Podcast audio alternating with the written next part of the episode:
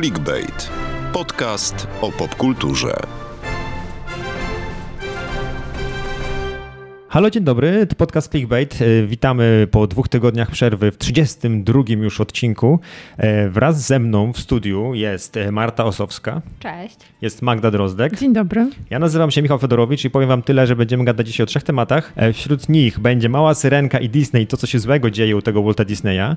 Pogadamy sobie o kinie letnim, blockbusterach i naszych przewidywaniach na to, jak będzie wyglądało właśnie, mm, let, będą wyglądały letnie premiery w kinie. Pogadamy też oczywiście o tym, co dzieje się w Hollywoodzie, bo to trochę zahaczymy w blockbusterach o te scenariusze filmowe, a na koniec będzie kącik intelektualny, go sobie tutaj nazwaliśmy. W zeszłym tygodniu były to książki, tym razem będziemy rozmawiać o filmach dokumentalnych, ponieważ trwa festiwal Millennium Doc Against Gravity. E, A propos intelektualnego kąciku, zapytałem was e, w ankiecie zeszłotygodniowej o to, jaki procent z was przeczytało przynajmniej jedną książkę, nasi drodzy słuchacze. E, Najpierw patrzyłem sobie na wyniki e, tego, co publikowała Biblioteka Narodowa za zeszły rok. W- Według niej wynika z tego, że tylko co trzeci Polak przeczytał przynajmniej jedną książkę. Natomiast słuchacze naszego Ale w podcastu... swoim całym życiu, czy... Nie, mówimy o zeszłym roku, że w zeszłym roku co, co, co trzeci Polak, czyli 33% przeczytało jedną książkę, natomiast u nas jest troszkę inaczej, bo wyniki tego, podca- tego ankiety z naszego podcastu wskazują, że 83% ze słuchaczy, którzy Jej. zagłosowali, Intelektualiści, dobre przeczytało przynajmniej jedną książkę. Gratulujemy. W takim razie kącik literacki będzie na stałe. Będziemy nagrywać przynajmniej raz w miesiącu, albo może co, co dwa tygodnie, nie wiem, zobaczymy jeszcze. To w sumie nie ma czasu na czytanie, bo tyle seriali do oglądania. Dobra, przechodzimy na razie do Małej Syrenki. Clickbait. Podcast o popkulturze.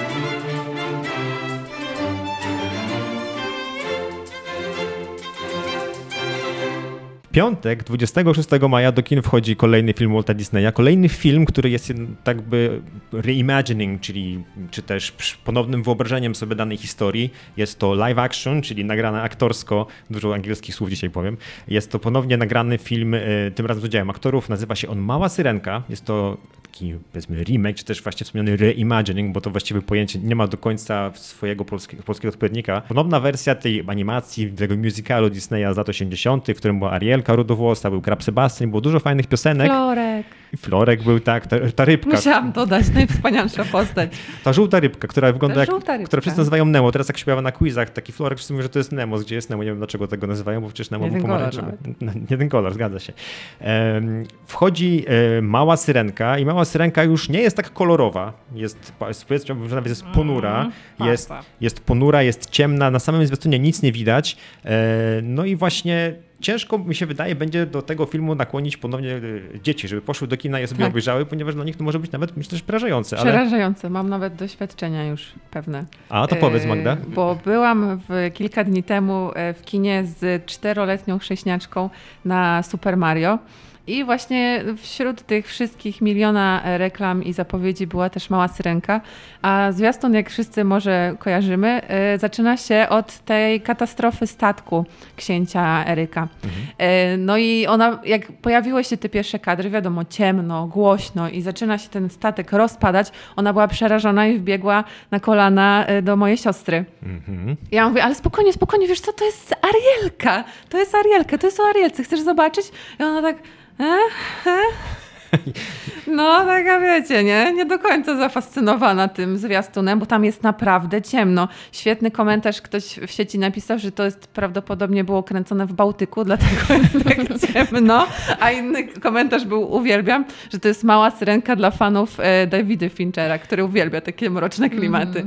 I Tak, tylko dlatego właśnie mnie dziwi, jaką koncepcję ma Disney, żeby to sprzedać. Czy to ma być zupełnie nowa, mroczna historia i, mm, i pójść już w taką stronę e, typowo filmów fabularnych, które gdzieś tym mrokiem ostatnim czasie chcą nas przyciągnąć, tak jak opowiadaliście, że em, nowa gra o tron, e, czy Pierścienie Władzy też bardzo operowało w tej takiej ciemnej stylistyce, Akurat gdzie praktycznie nie było widać. pierścienie tak? były bardzo jasne. To gra o tron właśnie A, przyzwyczaiła dobra, nas do tego, że jest po prostu ponuro, także tego. No i mnie taki obraz od razu odpycha, więc y, kiedy ja zobaczyłam pierwsze sekundy y, zwiastunu nowej y, małej syrenki, to od razu miałam takie poczucie, że ja nie chcę iść na ten film do kina. Bo nie, jest, potrzebuję Nie go. ma w nim w ogóle magii, nie ma kolorów, nie ma tej radości tego, tego filmu z lat 80., o którym wspomniałeś, Fedor.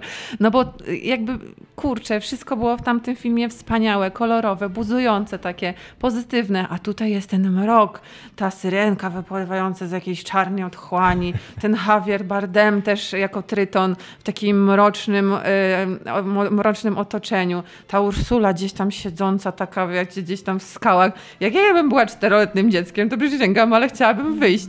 To właściwie No, tak. być może ta wersja po prostu aktorska ma być kierowana do starszej widowni. Ale tylko właśnie, po czy oni co? na to Czy to czekają? jest Czy ludzie czekają nas? dorośli na, na te, Czy na to te jest filmy? dla nas Właśnie. 30 czy prawie latków? Prawie 40. to Też niektórzy. nie chciałam tego dodawać. Ale czy to jest dla nas? Nie sądzę. No, No, na- nas, nas to raczej znudzi, dzieci przestraszy. dla Tak. dzieci przestraszy. Tym bardziej, że moim je. zdaniem taka ciemna kolorystyka na start trochę podbija te kontrowersje związane z tym, że do głównej roli została zatrudniona czarnoskóra aktorka, która wiecie, jak wyłania się z tych czarnych kadrów, no to jakby to nie jest ta Arielka, którą byśmy chcieli widzieć.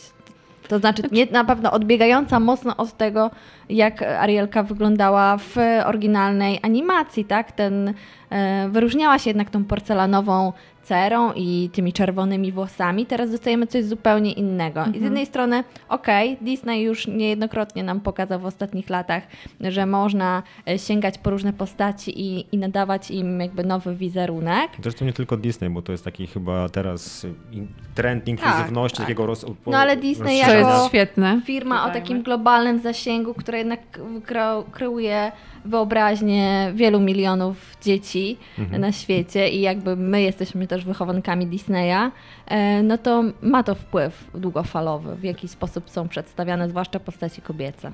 A to, to akurat jest dosyć kontrowersyjne. Właśnie a propos tego jeszcze e, koloru skóry, który mamy, to, to oczywiście wszyscy się oburzyli, że jak to syrena będzie czarna, ale I to jest wszyscy- główny komentarz, który pada podczas Mhm. y, puszczania zwiastunów w kinie. Dlaczego? Czego ona jest No, czarna? ale to jest syrena, no ludzie, ona może być fioletowa, w awatarze jest są taka niebiescy. diametralna zmiana. A powiem tak? ci, że jeśli, no nie wiem, to ja mam tylko ten przykład swój, gdzie moja chrześniaczka nie zwraca w ogóle uwagi na kolor skóry i to jest inna rzecz. Chodzi o ten kolor włosów. No, że ta Arielka się wyróżniała tymi pięknymi, czerwonymi włosami i to jest jakaś taka no, cecha charakterystyczna dla tej Arielki, nie?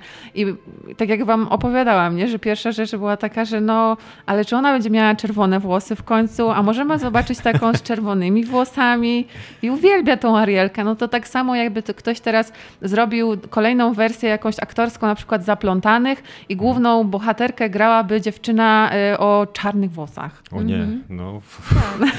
Nieważne Nie jaki ona by miała kolor skóry, chodzi o to, że te włosy były charakterystyczne dla niej. Tak, jakimś symbolem konkretnym. Tak, dokładnie. Symbol, który został zabrany tym dzieciom, które zresztą też nie wiem, czy ten film będą chciały oglądać, ale mamy em, tych jakby tych zmian, które e, dokonuje Disney, kręcąc ponownie te filmy, e, jest, jest, jest tak dużo, e, albo też jakby stylistyka, w której jest realizowany, tak jest bardzo odmienna, że ja sam chodząc na kilka takich już live action filmów, filmów Disneya z moimi, z moimi synami, to widzę, że to naprawdę nie jest kino dla nich. To nie jest kino Mhm. realizowane z myślą o dzieciach, więc tutaj być może naszła ta sama, ta sama, mm, ten sam proces myślowy, że kręćmy tą Arielkę dla tych osób, które faktycznie pamiętają ją z lat 80., żeby jakby coś im tam pokazać, nie?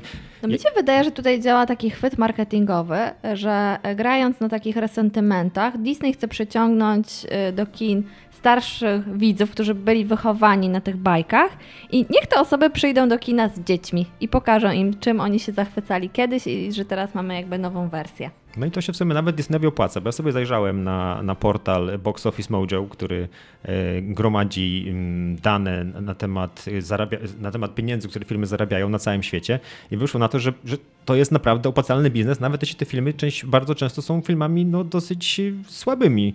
E, I tak na przykład naj, najlepiej zarabiającym filmem z tych nowych, anim, nowych produkcji aktorskich Disneya to jest Król Lew, który zarobił 1,6 miliarda dolarów. To w ogóle kiedy to się stało? Jak to się, to w ogóle o tym nie było głośno. Tak Piękna i Bestia, którą wiele osób krytykowało, zarobiło 1, zarobiła 1,2 miliarda dolarów.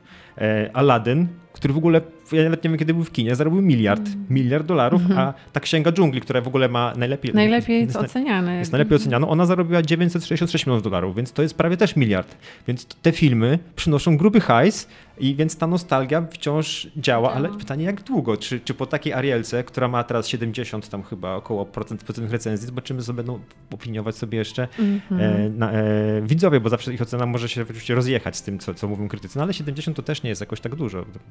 Myślałem, że może być, będzie więcej właśnie w związku z faktem, że e, no, Disney próbuje jakoś tak to unowocześnić, powiedziałbym, to, tą całą e, całą franczyzę, którą jest może Mała Syrenka, bo Mała Syrenka miała też sequel kiedyś nie wiem, czy pamiętacie. Tak, były, były różne takie historie. No ja się na przykład wychowałam na e, Królu Lwie i kaseta VHS była tak zajeżdżona, że w ogóle cud, że do tej pory chyba jeszcze dziś leży u mnie w domu.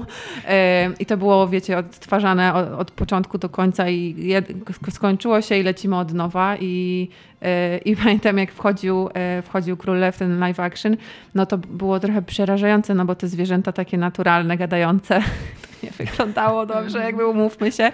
Ale też ogromny był marketing wokół tego i te wszystkie postaci, które były zaangażowane do, do, do nagrywania Królowa, mówię o Beyoncé y, i tak dalej, no to to już robiło robotę, że człowiek naprawdę chciał zobaczyć, jak to wyjdzie w praniu. Y, no i tak wszyscy się tak przyciągnęli, mam wrażenie, i się duża część osób rozczarowała, bo gdzieś tam, jeśli chodzi o oceny, no to one się już rozbieg rozbiegają w stosunku do, do, do tego box office'u, nie? Bo Królew jest tak słabawo oceniany. No, no, y, animacja jest udawana za arcydzieło w ogóle, jeden z chyba z najlepszych Tak. animacji w historii, w ogóle tam wzorowana na dziełach Szekspira i tak dalej.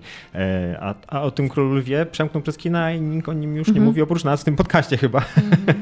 No właśnie, dlatego ja mam takie mieszane y, odczucia co do tej nowej strategii y, Disneya, bo postrzegam to, że dla nich to jest jednak maszynka do zarabiania pieniędzy, y, właśnie odtwarzanie y, dobrze znanej klasyki w, w nowej formie, troszeczkę bardziej aktorskiej, albo nadając troszeczkę inny e, wydźwięk danej opowieści, a, a nie zawsze mam wrażenie, te historie są na tyle przemyślane, dopracowane scenariuszowo, żeby oddać je w współczesnych realiach. Dla mnie na przykład największym jakby sukcesem tej aktorskiej wersji e, dzieł Disneya jest Cruella. Tak, chciałam też, bo sobie aż zapisałam, Tak, to jest bo to, to jest jednak inny przypadek, że nie dostajemy kopii tych y, 101 Dalmatyńczyków, tylko no Cruella była tam postacią drugoplanową, teraz dostała swoją własną historię i bardzo e, było to potrzebne, żeby poznać jej punkt widzenia, zobaczyć jej przeszłość, co ją ukształtowało, dlaczego stała się taka zła i de- demoniczna i trochę też e, poznanie jej, ją, bli- jej bliżej e, pozwoliło, myślę, wielu widzom e, gdzieś współodczuwać z taką Cruellą, dostrzec, że ona gdzieś została skrzywdzona, nie jest z gruntu zła, tylko coś wpłynęło na nią, że, że, że jest taka. I to jest e, fajna taka opowieść, moim zdaniem, pokazująca w ogóle, wiecie, taki uniwersalny sposób, e, że źli ludzie na świecie są, ale spróbujmy zrozumieć, dlaczego oni są źli. Tak, czy to jest film dla dzieci Króla? Ja go przy, przy, przyznam, że nie widziałem, nie nadrobiłem tego przed No naszym myślę, że podcastem. już troszeczkę bardziej dla starszej widowni, że nastolatkowie myślę, że okej, bo tam się dużo dzieje, jest też bardzo dużo błyskotek, modowych takich akcentów, ale no na pewno e, młodszy widz przed, przed dziesiątym rokiem życia myślę nie ogarnie tej historii, bo tam się za dużo dzieje. Może Disney kręcąc Króla chciał się zrehabilitować za te aktorskie, bo to właściwie pierwsze takie aktorskie e, filmy Disneya pojawiły się takie, będące takimi remake'ami tych animacji, pojawiły się w latach 90. Mieliśmy w 96 było 101 Dalmatyńczyków, a w, dwu, w dwa, 2000, dokładnie 2000, e, mieliśmy drugą część tego i obie te produkcje mają poniżej 40% w ogóle tych pozytywnych recenzji. Po premierze w ogóle tych Dalmatyńczyków drugich na 10 lat w ogóle Disney przestał Tak. kręcić te, te filmy. Nagle do Tak. tego wrócił, nie wiem, dostali nową kasę, nowe pomysły, nowi ludzie, ale albo poczuli, że to jest już moment, kiedy można odgrzewać te fajne e, animacje, które, e, które ma w swoim tam portfolio, powiedzmy, nie? Natomiast kilka rzeczy jeszcze nie nakręcili, nie? Co byście widzieli, co można by jeszcze przyrobić, albo co może być takim największym skokiem na kasę? Ja mam jeden typ, No. i który na Mhm. pewno się wydarzy, na 100% się wydarzy, nie wiem kiedy. Jest to Frozen.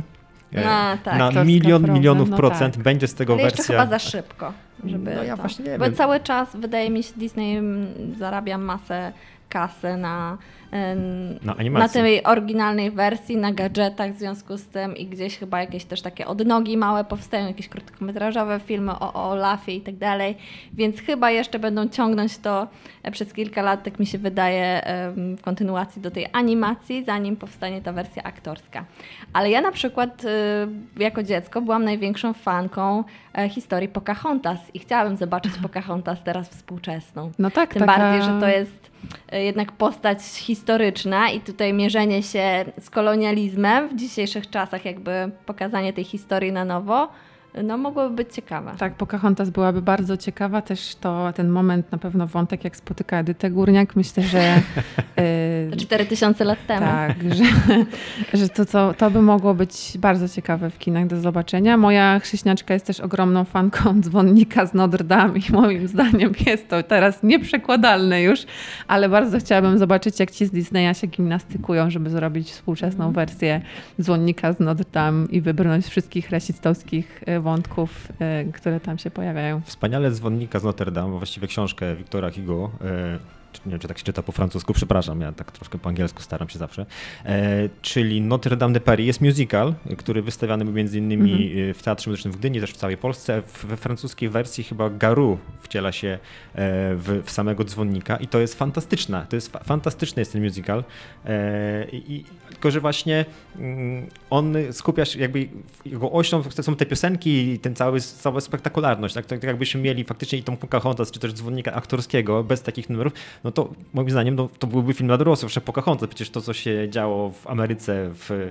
w, na kontynencie północnoamerykańskim wówczas, no to, to przecież była jedna wielka rzeź i teraz jak zrobić z tego taki film, który jakby to jest taka mhm. pułapka, jak oni by w to tak. poszli, to nie sądzę, że dałoby się to wybronić, więc ale Dlatego no, wyzwanie to by było duży projekt dla scenarzystów, no ale scenarzyści obecnie mają inne problemy na głowie niż myślenie nad strategią Disneya. No trochę mają, faktycznie. Może do tego za chwilę przejdziemy. No właściwie może przejdziemy już od razu, bo co będziemy jeszcze mówić o tym Disneyu, nie? Clickbait. Podcast o popkulturze.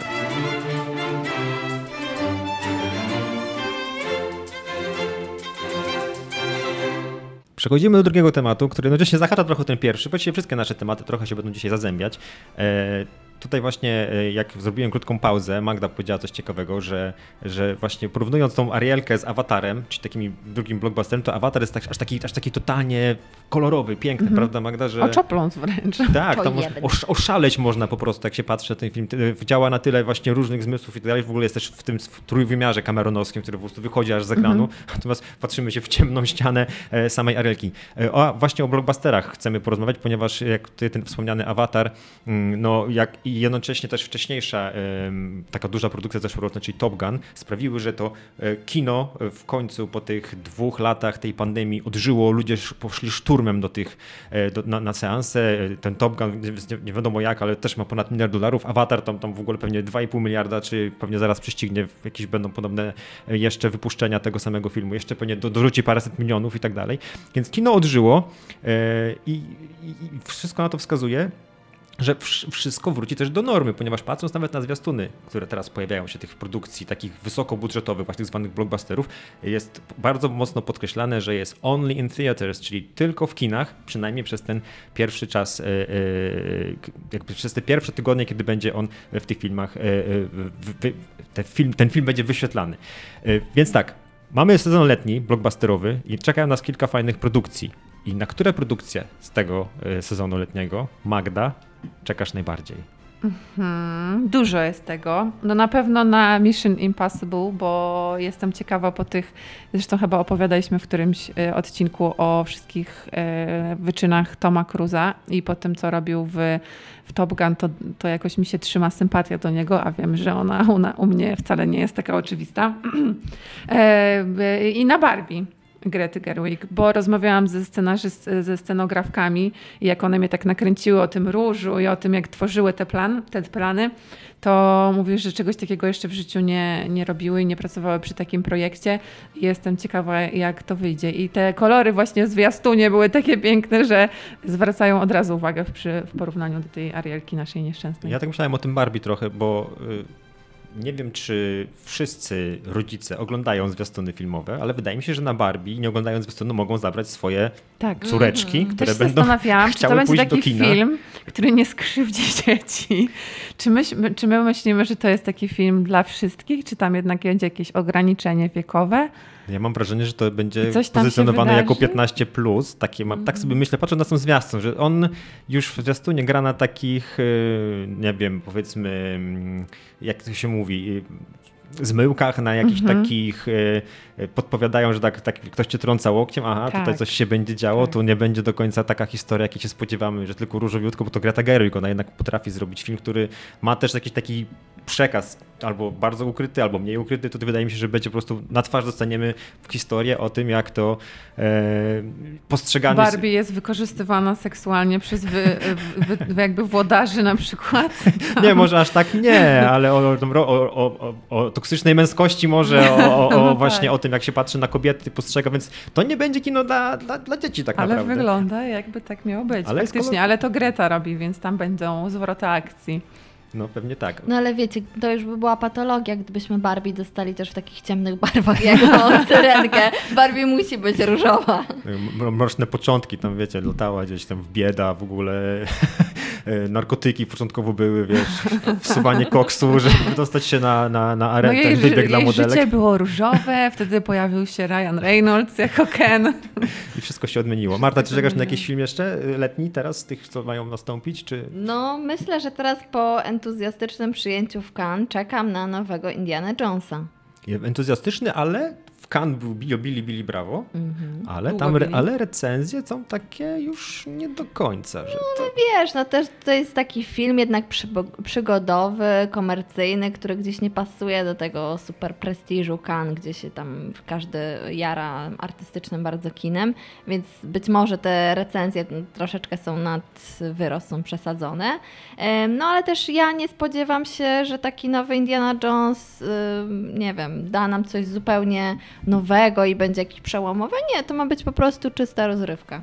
Y, To może być też duże zaskoczenie dla wszystkich naszych y, rodziców, którzy, y, znaczy, tak jak moi, byli zaskoczeni, że Harrison jeszcze żyje. Harrison Ford jeszcze żyje i jest w stanie kręcić blockbustery. Tak, I to że- jest to pokolenie, które ruszy do kin, żeby sprawdzić o co chodzi i jak to zrobili.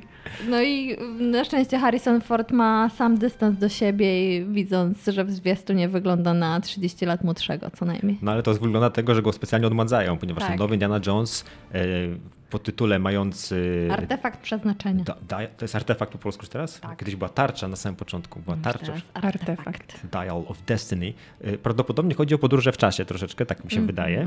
I to, że on jest pokazany jeszcze taką młodszy, będzie znaczyło, że oni gdzieś tam po tych wymiarach, czy też, nie wiem, czasoprzestrzeni będą w jakiś sposób podróżować. Nie wiem, nie, nie oglądałem tego, nie czytałem y, wiele na temat tego filmu. Natomiast obiecywałem sobie po kryształowej czasy, że już nigdy więcej nie pójdę na nowego Indiana Jonesa, jakikolwiek będzie, bo pierwsze trzy filmy są genialne, czwarty po prostu strasznie mnie skrzywdził, ale czekam na tą piątkę. Nie wiem dlaczego, ale mam wrażenie, że no, nie wiem, no... Też sentymentu. Posz- też właśnie, no, grają na tym cały czas. I też w ogóle Disney to robi, nie? Tak, to Disneya, tak. To Tak, Indian... 30 czerwca premiera. Czyli już niedługo. Ale mamy nie tylko takie e, filmy, powiedzmy. jakby- Komercyjne bardzo. Tak, mamy też na przykład Oppenheimera, który jest teoretycznie jest filmem Twoim Nolana. ulubionym filmem już teraz, jak Tak. wiemy. Czy, Bo czy, nowy czy ja film? Nolana to wiadomo. Dobra, Być wiemy. może. Nie, no wiecie, wszyscy krytykowali Tenet, a ja uwielbiam Tenet. Jest, dla mnie to jest najlepszy Nolan w ogóle. Filmy, które są tak skomplikowane, że, e, że trzeba je oglądać z notesem i, i tam z Wikipedią i z odpowiednim nawet jakimś, nie wiem, podserwisem, który zajmuje się wyłącznie danym filmem. Ja takie filmy lubię, bo można sobie je rozkminiać. Wiemy, wiemy. No niestety, ale Oppenheimer nie wydaje się, że będzie takim filmem skomplikowanym. Jest po prostu przecież w sumie biografia y, twórcy bomby atomowej i jakby każdy kolejny zwiastun pokazuje, że ja jestem strasznie nakręcony na niego i to nie będzie tylko taka historia jednego człowieka, tylko całej tej otoczki w ogóle, tego niszczenia świata i tak dalej. Brakuje tam tylko tych słynnych tam słów, które tam jestem, tam niszczycielem świata i tak dalej. Nie wiem, czy to padnie bo trochę wydaje mi się to takie...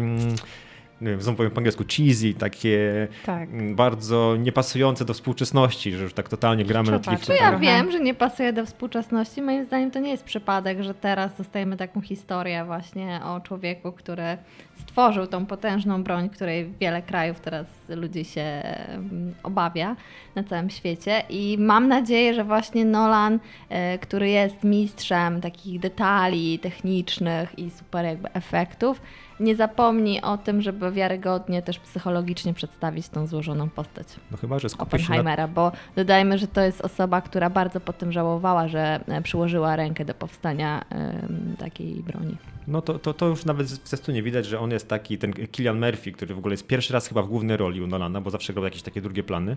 E, W końcu dostał główną rolę i widać, że jakby patrząc na jego kreację w samym zwiastunie widać, że faktycznie przeżywa to, co robi i, i no i że będzie miał do tego jakieś tam sporo takich wyrzutów sumienia i, i innych. Zresztą w ogóle Nolan kręcąc film zadba na pewno realizm, bo już mówiono, że śmiano się z tego, że tam będzie prawdziwą bombę atomową odpalać, bo Nolan jest znany z tego, że robi efekty praktyczne. No Tutaj Tak. przygotowali w jakiś sposób taką eksplozję, która ma symulować ten wybuch, czyli naprawdę była tam eksplozja i w jaki sposób ją kręcą, że to ma być. Tego jestem najbardziej ciekawy. Może nawet nie samego filmu, tylko jak on zrobił tą bombę atomową, żeby to wyglądało w miarę realistycznie, bez użycia efektów komputerowych. No. Moim zdaniem tam będą jakieś sceny, wiecie, na atomach się rozgrywające. tam będą hity. Dlatego tak, to, to może przyciągnąć bardzo e, do kin. Ale w ogóle ten sezon blockbusterów już teraz się zaczął, bo Super Mario nawet już chyba z 500 milionów zarobił na świecie. E, Strażnicy Galaktyki, nie pamiętam dokładnych e, liczb, ale też, też fajnie sobie radzą i to też jest taki film, który trzeba oglądać w kinie. Polecam. Widziałam, to się pochwalę. To ja też może polecę. Chociaż, chwila, chociaż tak, wy tak. nie chciałyście tego oglądać.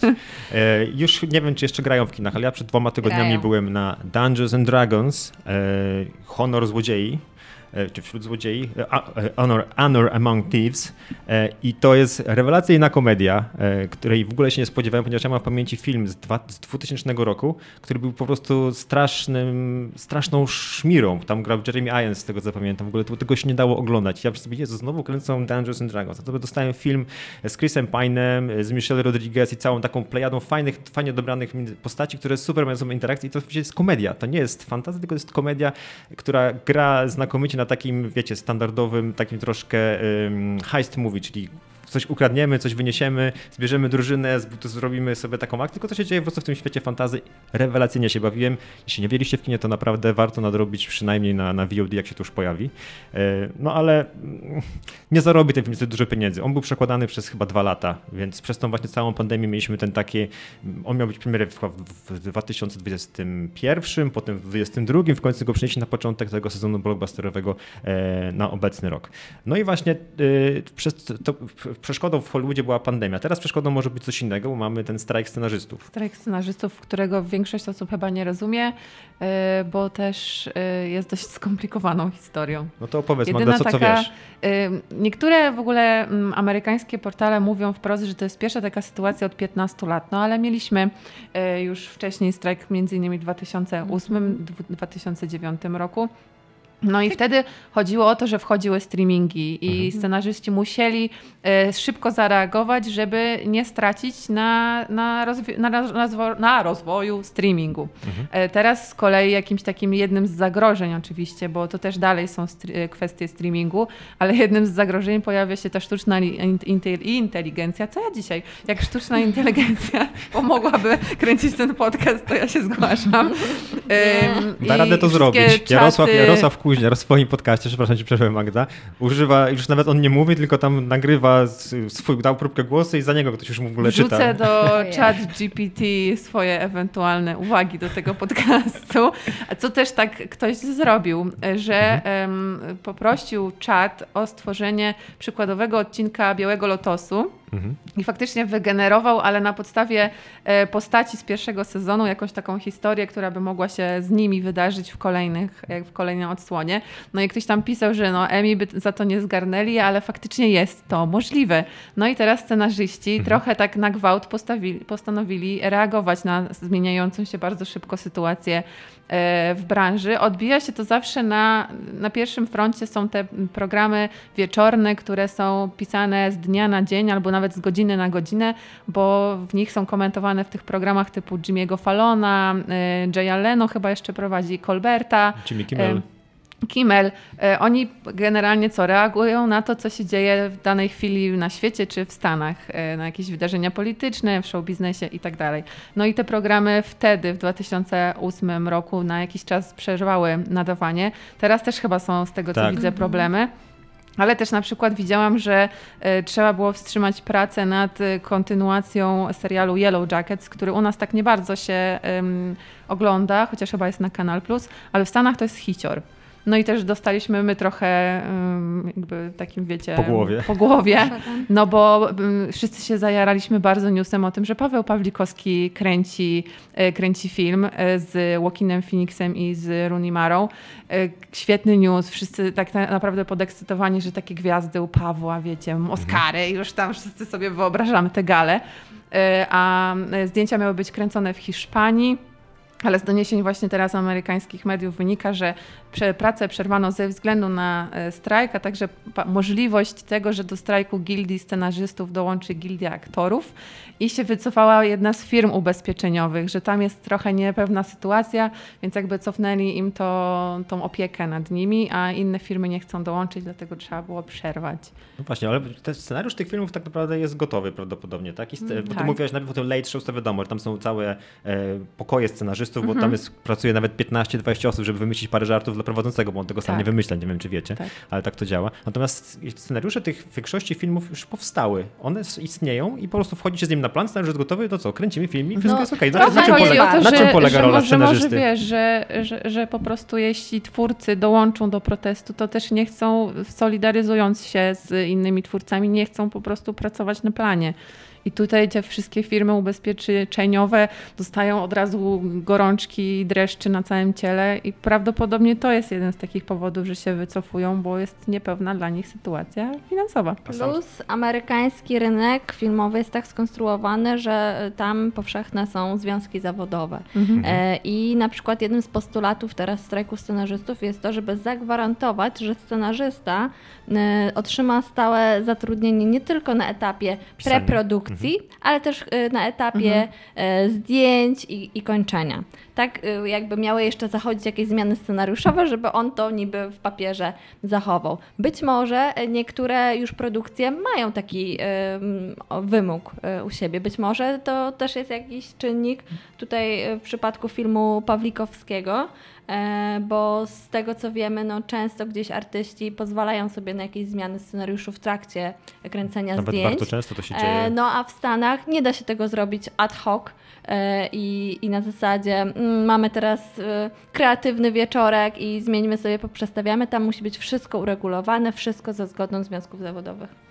To w ogóle jest To też jest pokłosiem poprzednich strajków, nie? Mhm. Bo jest w sumie rynek amerykańskiej pracy jest bardzo taki jednocześnie trudny, bo tam y, trudny dla no, wchodzących w ogóle na ten rynek y, i bezrobocie i znalezienie pracy i tak dalej. Natomiast z drugiej strony wszystko mamy, już te związki zawodowe są, to po prostu tak trzymają sztamę, że z nimi bardzo ciężko jest wygrać. Nie? I, i taki e, obecność em, takiego scenarzysty na planie zdjęciowym mi się wydawało zawsze, że to jest oczywiste, że tego nie trzeba jakoś regulować, że on zawsze tam jest ten scenarzysta. No bo popatrzcie, na przykład był taki film e, Gwiezdne Wojny Łotr 1 się nazywa Mhm. i ten film był ponoć tak koszmarny, tak, tak, tak źle to wyglądało na, na, na, na, na- etapie już samych realizacji zdjęć, że musieli ściągać właśnie jednego, drugiego, trzeciego jakby takiego mm, e, script doktora, znowu po angielsku. Script doktor to jest ktoś, kto po prostu przychodzi i naprawia dany scenariusz i po prostu to, co widzieliśmy początkowo w zwiastunach tych Gwiezdnych Wojen Łotr 1 w ogóle nie znalazło się w gotowym filmie. Oni po prostu nakręcili na nowo ten film. Więc taki, scen- taka osoba, taki scenarzysta musi być na planie zdjęciowym, żeby tak. e, w razie czego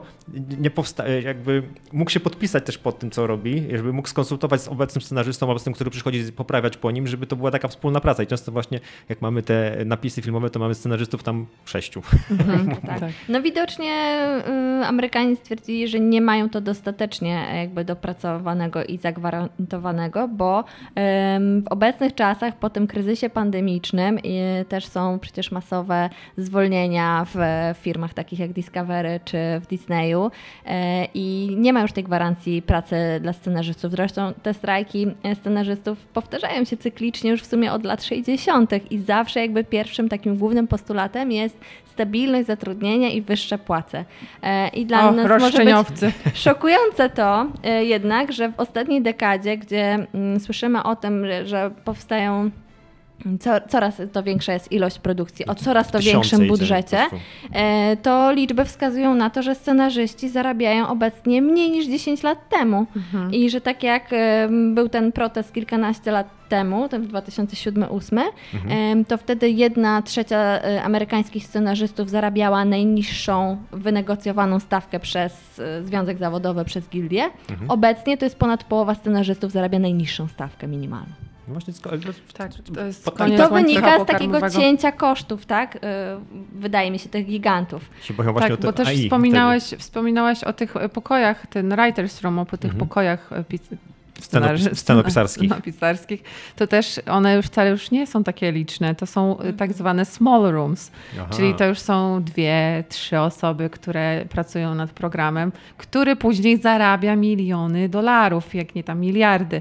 No i to jest chyba jeden taki z największych mitów w ogóle na świecie, że praca w przemyśle filmowym to jest, wiecie, to jest, to jest bajka, to jest to Hollywood, to jest siedzenie na kanapie i czekanie przez pięć minut na tylko kolejne ujęcie. To są te słynne kampery aktorów, w których tam luksusy są jakieś tam. To są cateringi nie wiadomo jakie. To są te, że ten aktor właściwie nic nie robi, tylko przychodzi na plan i, y, i, i, i odgrywa swoją scenę, nie? To jakby od początku to wszystko wygląda w kulisach nie, inaczej. To są te godziny spędzone na planie. Już nie mówię tylko o ak- aktorach, ale całej ekipie. Aktor oczywiście ma najlepiej, bo ma agenta, ma nazwisko, jest gwiazdą często światową, więc zarabia Nawet jeśli przeżyje traumę, no to 10 milionów to zatuszuje szybko, ale ten scenarzysta, który jest na końcu łańcucha pokarmowego, który musi siedzieć i przerabiać to, bo jakaś aktorka nie jest w stanie na przykład wymówić jednego słowa, no to jest e, orka na ugorze, za którą dostaje się tam kilka tysięcy.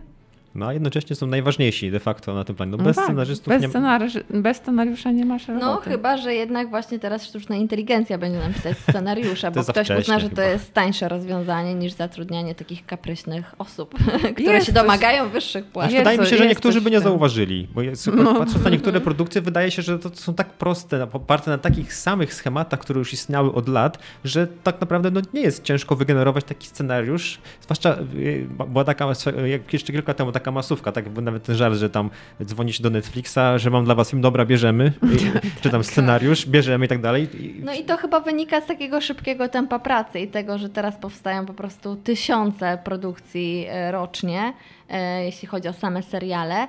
I też właśnie jednym z postulatów obecnie strajkujących jest to, aby mieli e, trzy tygodnie na napisanie jednego scenariusza. Ale z I oni o to jednego, walczą. jednego odcinka, czy Tak, całego tak. serialu? To no, Nie wydaje mi się e, realne. producentom wydaje się to właśnie bardzo nierealne i absolutnie nie chcą przystać. No to mu na trzeba bardzo, warunek. bardzo wcześnie zaczynać sam proces w ogóle, nie wiem, taki, taki kon- koncepcyjny, myślowy w ogóle, jak do Tak. tego podejść. No, I nie ma na to czasu, no bo każdy pędzi, pędzi, chce um, ciąć, ciąć koszty i mieć potem super produkcję, którą się będziemy chwalić, że wydaliśmy mnóstwo milionów, a na samym dnie tego wszystkiego no, są właśnie takie brzydkie kulisy. A to w sumie tak my rozmawiamy o tym strajku, a to, to jest rynek amerykański. Czy, czy to nie jest szansa dla produkcji z reszty świata, która nie strajkuje w tym momencie, żeby faktycznie się przebić? Czy, czy, to, czy, to, czy jakby wszystko jest oparte w świecie tej rozrywki na Hollywoodzie w tym Jak momencie? powiedziałaś o tej reszcie świata, to usłyszałam takie świerszcze w głowie, nie? Wiecie, to wszystko się okaże w sumie po ofercie platform streamingowych w najbliższym czasie, bo wiele produkcji przecież już gdzieś powstało i czeka na wypuszczenie. Tak. Jeśli ta sytuacja ze strajkiem będzie się przedłużać i to oznacza, że wiele tych amerykańskich produkcji zostanie teraz wstrzymanych na etapie powstawania, no to pewnie będzie więcej takich premier międzynarodowych. Typu właśnie koreańskie, koreańskie takie seriale. Tu Tak. I już- szybkich już na inwestycji na rynkach, przykład. gdzie mm, mm, ekipy filmowe nie są tak wybredne, nie mają em, związków zawodowych, więc na przykład widzę tutaj szansę dla polskich produkcji Netflixa. Tak, albo dla HBO. Nie, znaczy Odwilż może jednak ale będzie to lepsza. Tak, to faktycznie, to zależy ile to będzie trwało. Jest jeszcze za wcześnie, żeby o tym mówić. Wtedy w tym 2008 roku było tak, że chyba z takich konsekwencji, które zobaczyliśmy, zobaczyli widzowie, to było to, że seriale Grey's Anatomy i CSI zostały skrócone, po prostu seria, y, serie zostały skrócone, ale no tak, no to tak jak u nas, nie wiem, faktycznie jak u nas się y, kończą wcześniej M jak miłość, to jest afera, nie? Więc tam jak... Tak, ale jak miłość nie ucierpi, nie, nie kilkanaście lat temu to były czasy, kiedy każdy sezon musiał mieć 24 odcinki, Nie było teraz... też takiego boomu na te wszystkie produkcje, nie? Tak. I akurat wtedy można było łatwo zauważyć, że coś się szybciej kończy. Dzisiaj jest, tej, z tej, tych platform i tych seriali i produkcji filmowych jest tak dużo, że mm, no faktycznie, no zobaczymy ile to jeszcze będzie trwało. Na razie chyba się nie zapowiada na szybki koniec.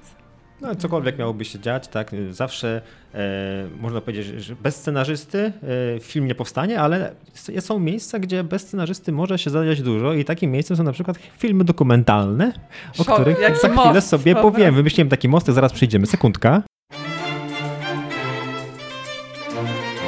Clickbait. Podcast o popkulturze.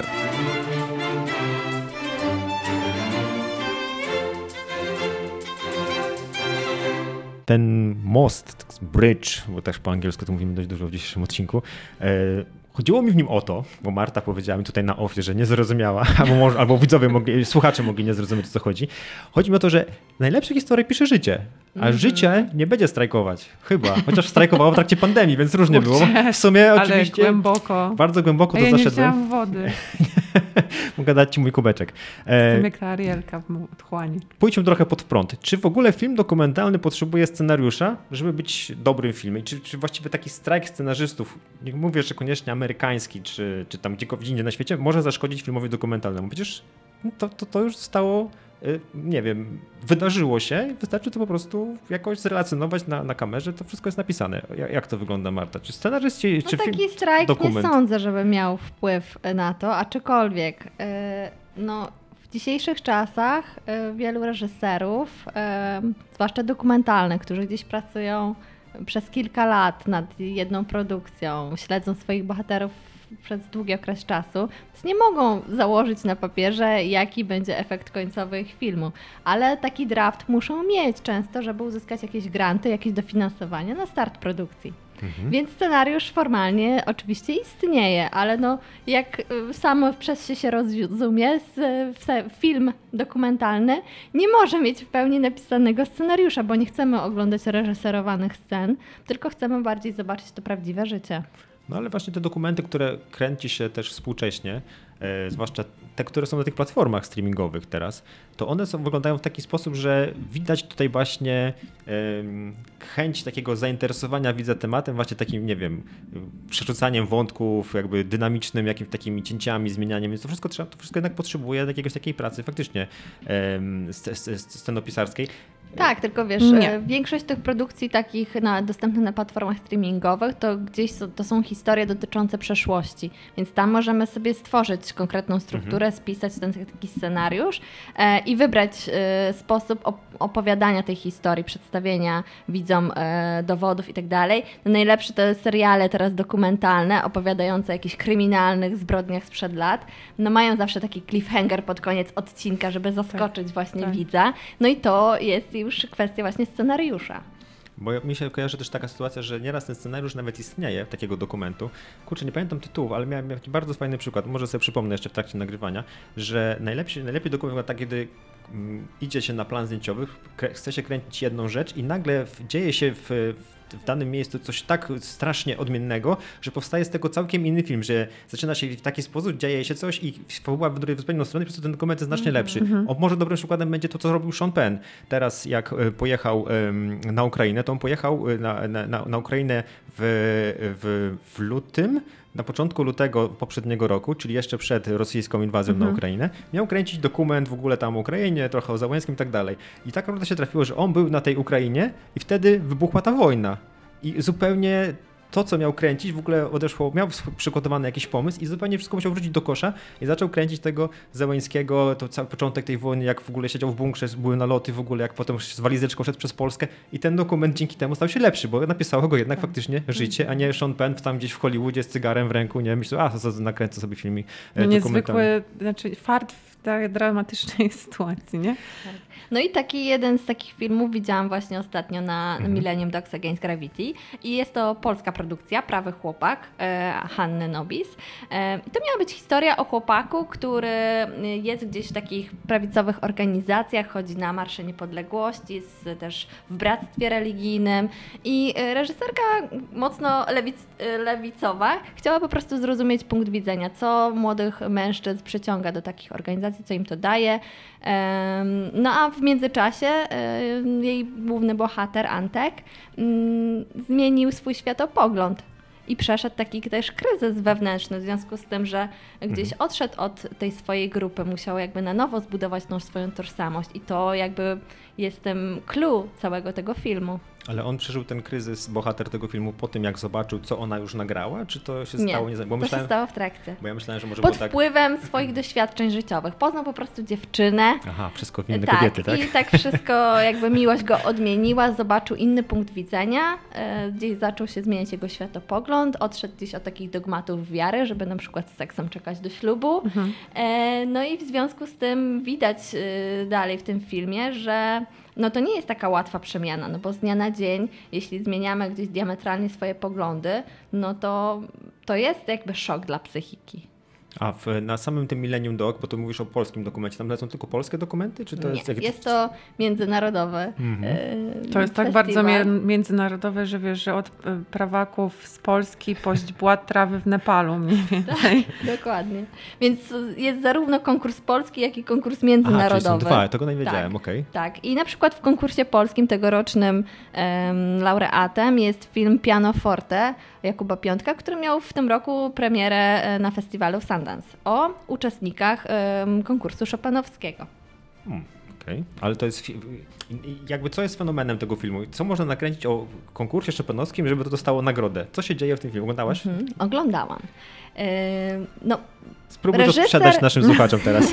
Reżyser śledził em, tak naprawdę kilku bohaterów, którzy do, zakwalifikowali się do kolejnych szczebli w tym konkursie Chopinowskim ostatnim i śledził ich przez ostatnie trzy tygodnie tego konkursu. Więc widzimy to, co się działo wszystko za kulisami. Jak każdy gdzieś to przeżywał. Nie widzimy tak, nie poznajemy dogłębnie ich historii, dlaczego zostali pianistami, dlaczego takim zależy na wygranej.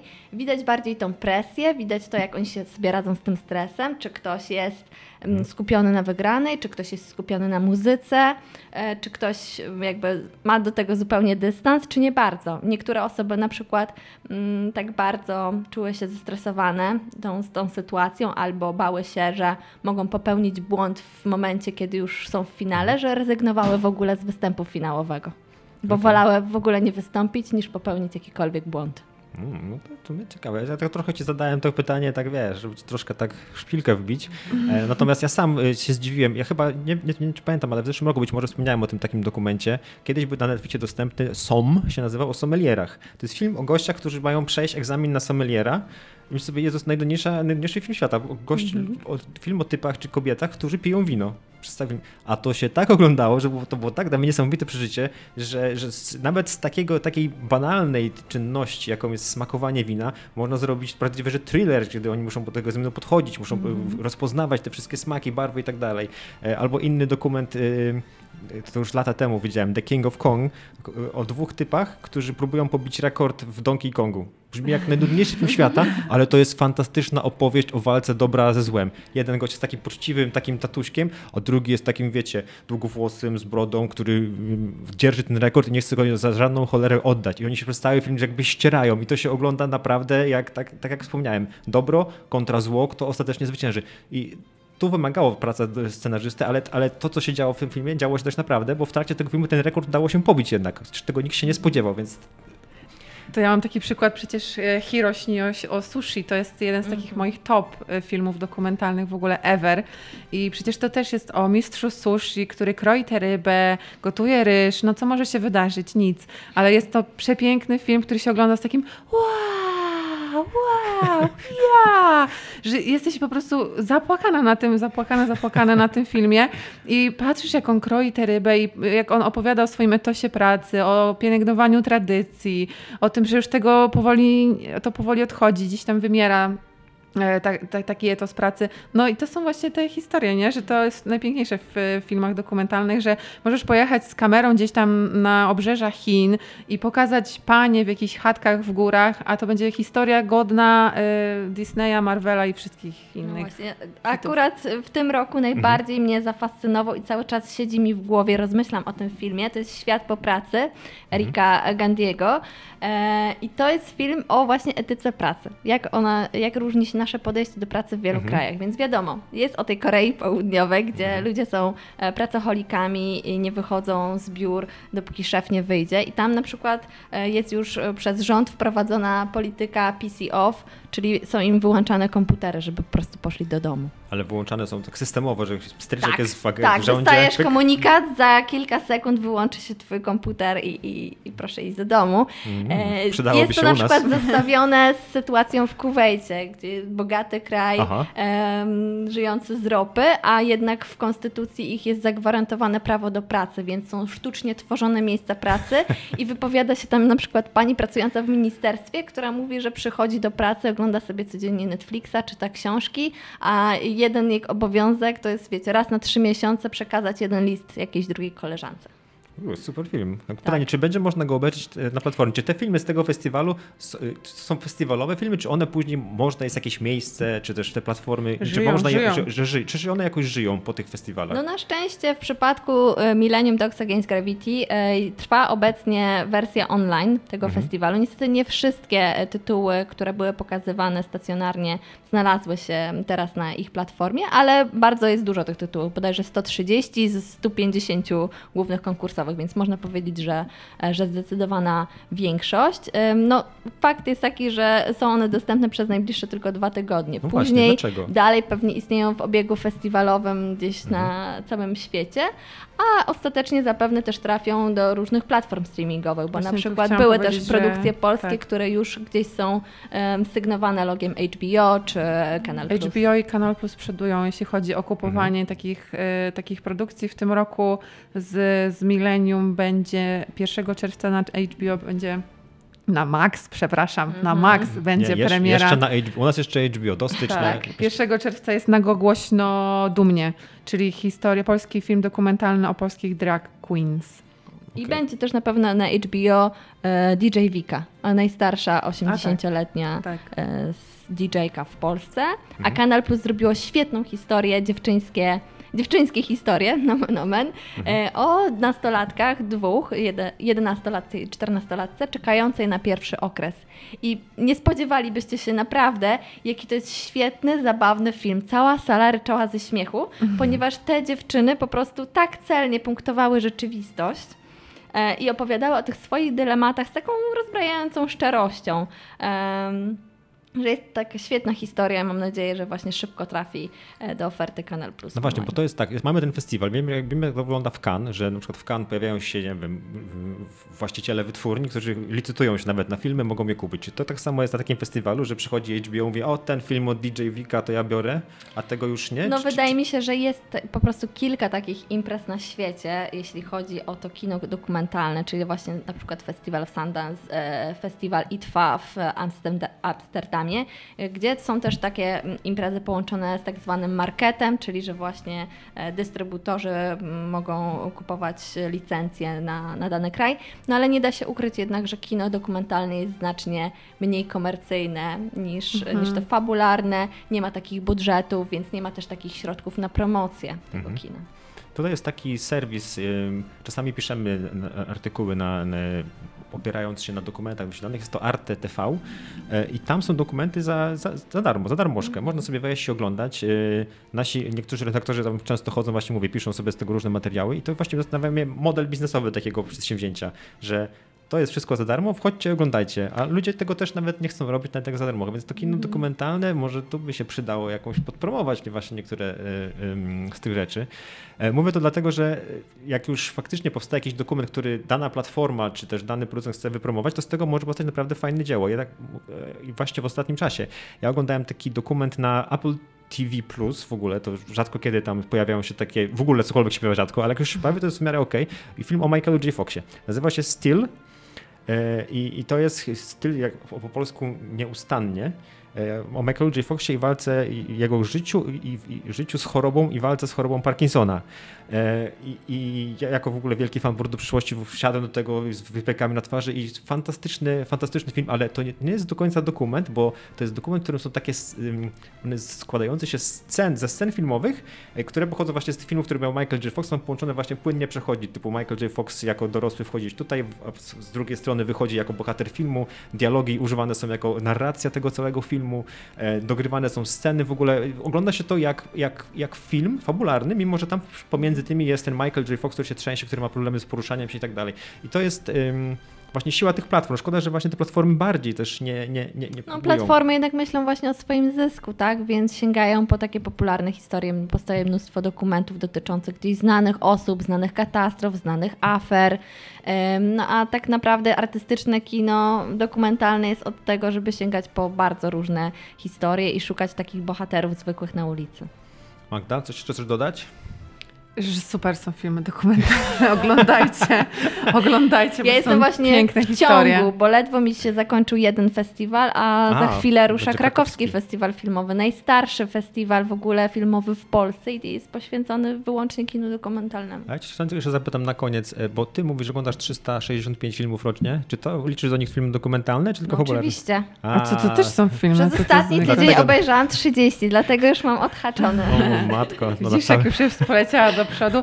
Ja bym chciała tylko dodać, że y, mimo, że Netflix zmienia zasady użytkowania, to wciąż pozostaje platformą, która ma najwięcej filmów i seriali, serii dokumentalnych.